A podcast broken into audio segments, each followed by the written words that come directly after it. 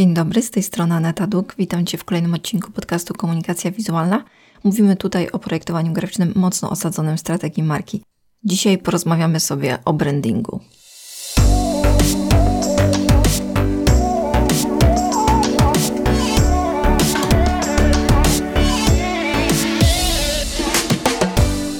Słowo branding jest bardzo ciekawe. Od jakiegoś czasu w branży panuje taka walka o definicję tego słowa. Mamy studia i agencje brandingowe. Na Behance pod frazami kluczowymi branding zazwyczaj wyszukamy mniej lub bardziej rozbudowane identyfikacje wizualne. Identyfikacje, czyli logo, księga znaku, papeteria firmowa itd. Tak Natomiast jeżeli powiemy w pewnych kręgach, że projektujemy branding, to dostaniemy po głowie z uwagą, że branding to nie logo, branding to dużo więcej. Potem następuje starcie z pojęciem marketingu. Czy marketing jest częścią brandingu, czy to branding jest częścią marketingu? Czym więc jest branding?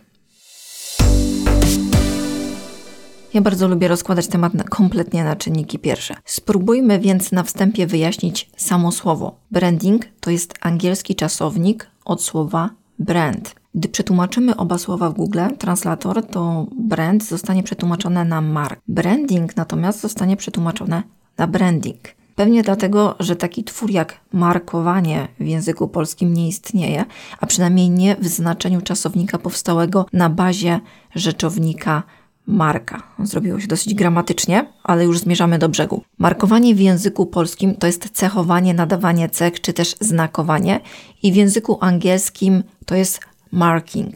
Dlatego mamy taką dziurę załataną przez zapożyczenie z angielskiego. To jeszcze bardziej ułatwia budowanie zamieszania i miliona interpretacji słowa branding. Skoro to już mamy, to teraz czym jest marka, czyli angielskie brand według definicji marketingowców, strategów, projektantów marek itd. Tak Posłużę się tutaj dwoma cytatami. Jeden będzie z podwórka amerykańskiego, a drugi z naszego polskiego. Maciej Tesławski polski strateg. W książce Strategia marketingowa wydanej e, w 2015 roku tak definiuje markę. Marka to dla mnie idea, którą wizualizujemy w głowie konsumenta przez komunikację. Dla idei ludzie oddają życie. Marka na pewno nie jest dokumentem ani nazwą produktu. Marka jest w głowie konsumenta i tylko tak rozumiana jest właściwie.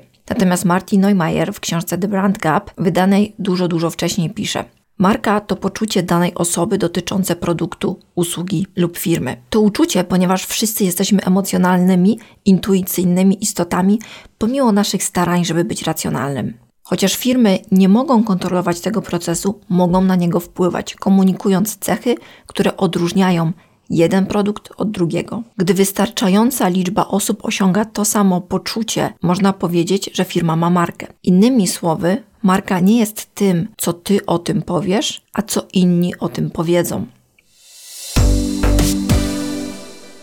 Nie sposób się z tym nie zgodzić. Myślę, że to jest ujęcie sedna.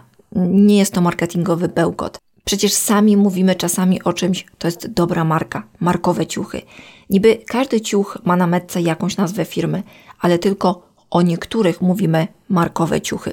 Natomiast jeżeli właściciele firm, których metki nie uznajemy za marki, tylko często używamy pojęcia no name, czyli firma nam nieznana lub nieuznana przez nas, powiedzą o sobie, jesteśmy świetną marką, to to nie spowoduje, że nagle ich produkty zaczną się sprzedawać tak jak te markowe. W dalszym ciągu przede wszystkim będą musieli walczyć ceną, czyli oczywistym jest, że to odpowiednia duża ilość konsumentów musi uznać za prawdę to, co marka o sobie mówi.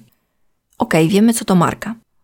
Co to zatem jest branding, czyli czasownik od słowa marka? Skoro marka dzieje się w głowie konsumenta, jest to myśl, idea, uczucie związane z produktem lub usługą świadczoną pod danym szyldem, to czym będzie czasownik od tego słowa? No będzie tym procesem kształtowania się tej idei.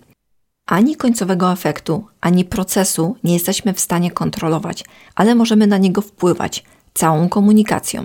Śmiem wręcz twierdzić, że to, co powszechnie określa się brandingiem, sama też zresztą z tego określenia korzystam, bo przyjęło się i bardzo dużo osób rozumie przez to słowo identyfikację wizualną firmy. Więc Śmiem twierdzić, że to wszystko, co nazywane jest brandingiem, jest komunikacją wizualną lub w szerszym rozumieniu jest po prostu komunikacją, a w idealnym przypadku świadomie opracowaną strategią komunikacji. Czyli ta strategia komunikacji, w której możemy określić wartości, ton głosu, archetyp itd., tak jest naszym sposobem na wpływanie na proces brandingu, który w rezultacie ma dać nam efekt, silną markę, dobry brand celu jeszcze lepszego zrozumienia tematu posłużę się przykładem, który zaprezentował Chris Do na swoim kanale na YouTubie. Jest to genialny przykład, podlinkuję go w notatkach do tego podcastu i polecam Wam obejrzeć ten odcinek. Chris Do przedstawia dwóch bohaterów, kobietę i mężczyznę oraz sześć scen. Pierwsza scena, gość stwierdza, formułuje ideę skierowaną do kobiet. Jestem świetnym kochankiem. To jest marketing. Scena numer dwa.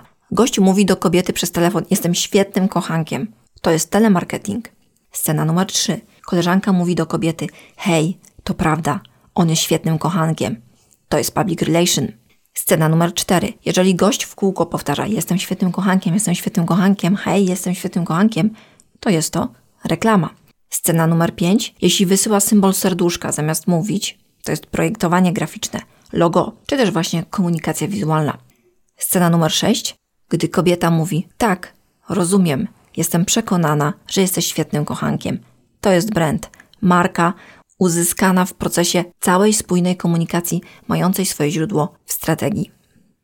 Jak popatrzymy sobie na te sześć scen, które jednocześnie jest procesem, to z jednej strony mamy łatwo zdefiniowane pojęcia różnych elementów wpływających na ten proces kreowania marki w głowach konsumentów. Z drugiej strony mamy tą spójność. Możemy liczyć na efekt. Gdy każdy punkt byłby przypadkowy, każda scena mówiłaby co innego, nie osiągniemy na końcu tego efektu zrozumienia przez klienta naszego przekazu. A po co w ogóle skupiać się na nomenklaturze? Przecież nieważne, jak to nazwiemy, byle robota była zrobiona. Z mojego punktu widzenia, osoby, która zajmuje się komunikacją, odpowiedni dobór słów jest istotny. Skoro słowo branding zarezerwujemy sobie do identyfikacji wizualnej, to jak zakomunikować szerszy zakres usług? Wymieniać je po przecinku to mało efektywne i mało skuteczne. Ja często stosuję taki wybieg i mówię o projekcie marki, ale to też bywa mylone z zaprojektowaniem tylko i wyłącznie logo, identyfikacji wizualnej ewentualnie key visuala. Należałoby w tej sytuacji mówić o strategii. No temat jest trudny. Dlatego pomyślałam, że powinniśmy zacząć od projektantów, aby branding, brand czy marka były dobrze rozumiane przez projektantów. Jeśli to nastąpi, to projektanci przez formułowanie swoich ofert wyedukują przedsiębiorców. Czy to jest być może zbyt branżowe słowo branding, brand? Uważam, że nie. Branding to jest takie słowo jak marketing. Jeżeli bierzemy się za prowadzenie biznesu, to pojęcie marki i procesu jej kształtowania w głowie konsumenta są takimi słówkami na, na samym wierzchołku. Musimy je znać i rozumieć, żeby wiedzieć, co potrzebuje nasza marka, żeby stać się silną marką. Jest to temat tak samo dla korporacji, jak i dla freelancera a nawet bardziej dla freelancera czy małej firmy, bo korporacja ma od tego całe działy marketingu, brand managerów i inne stanowiska, które mają obowiązek ogarniać te tematy. Poza tym, każdy z nas jest marką. Jest taka książka Jesteś marką, jak odnieść sukces i pozostać sobą Joanny Malinowskiej-Parzydło. Uważam, że w tym stwierdzeniu użytym w tytule tej książki jest bardzo dużo prawdy. Chciałabym to zestawić z odcinkiem podcastu Męskie Spotkania. Jest to podcast prowadzony przez Dominika Juszczyka i tam jest taki odcinek o ego. Tak też jest zatytułowany. Panowie dyskutowali na temat tego, czym jest ego i o poczuciu własnej wartości, które jest jakby nierozłącznym elementem ego. Było przedstawione mm, podejście stoickie, które stawia na zminimalizowanie wpływu czynników zewnętrznych na nasze samopoczucie, czyli wyraźne rozdzielenie na to, co jest od nas zależne, a co nie jest, oraz drugie podejście, że jednak jesteśmy istotami społecznymi i nasza wartość w pewien sposób jest definiowana przez nasze otoczenie i że nie uciekniemy od tego. Słuchając tego odcinka, byłam bliższa podejściu stoickiemu. Jest to bardzo wygodne podejście, gwarantujące nam taki spokój psychiczny. Jednak po dłuższym przemyśleniu, zestawieniu to z moją pracą czy budowaniem własnej marki, mam wątpliwości. Myślę, że prawda leży gdzieś po środku, jak to zresztą zwykle bywa. I o ile jeszcze ileś lat temu gdy większość dóbr dla rodziny każdy wytwarzał w ramach swojego podwórka, rzeczywiście można było dosyć mocno praktykować tą niezależność od opinii innych osób. Obecnie gospodarka to gigantyczna machina wymiany i myślę, że nawet obecna sytuacja związana z pandemią nie zmieni tego modelu wymiany. Nawet jeżeli się trochę spowolni i zweryfikujemy mnogość swoich potrzeb, to jednak w dalszym ciągu to będzie wymiana, czyli ja robię coś i wymieniam to za pośrednictwem pieniądza na wszystkie inne potrzebne mi dobra. Model pracy, czy to pracownik będzie, czy przedsiębiorca, nie ma to takiego dużego znaczenia w przypadku, czy dobrze mi idzie w tym modelu wymiany, czy nie.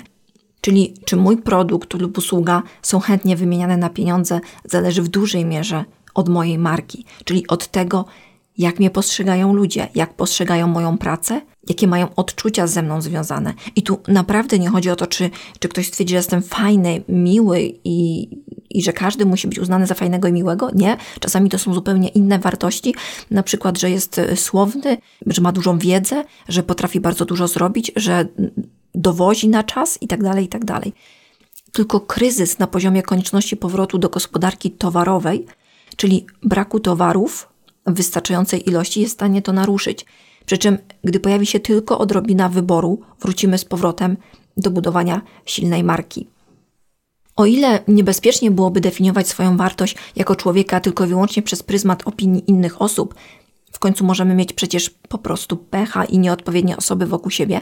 Zresztą zdrowe poczucie własnej wartości jest też jednym z elementów pomocnych przy budowaniu marki. O tyle swoją skuteczność w umiejętnym wpływaniu na swój wizerunek w oczach ludzi, swój, czy firmy, czy siebie jako eksperta, mierzymy właśnie opiniami zewnętrznymi, a to z kolei wpływa na naszą skuteczność biznesową. To znowu z kolei przy gospodarce polegającej na wymianie, na nasze umiejętności zadbania o swój byt. Są to wszystko naczynia połączone. Trudno więc w pewien sposób swojej wartości nie uzależniać od innych osób. Determinuje ona chociażby naszą skuteczność sprzedaży tego, co chcemy światu zaoferować. Zawsze to będzie jakiś tam jeden z czynników wpływających na to, jak sami siebie postrzegamy. Potrzebujemy tego potwierdzenia z zewnątrz, choć warto nie uzależniać się od niego.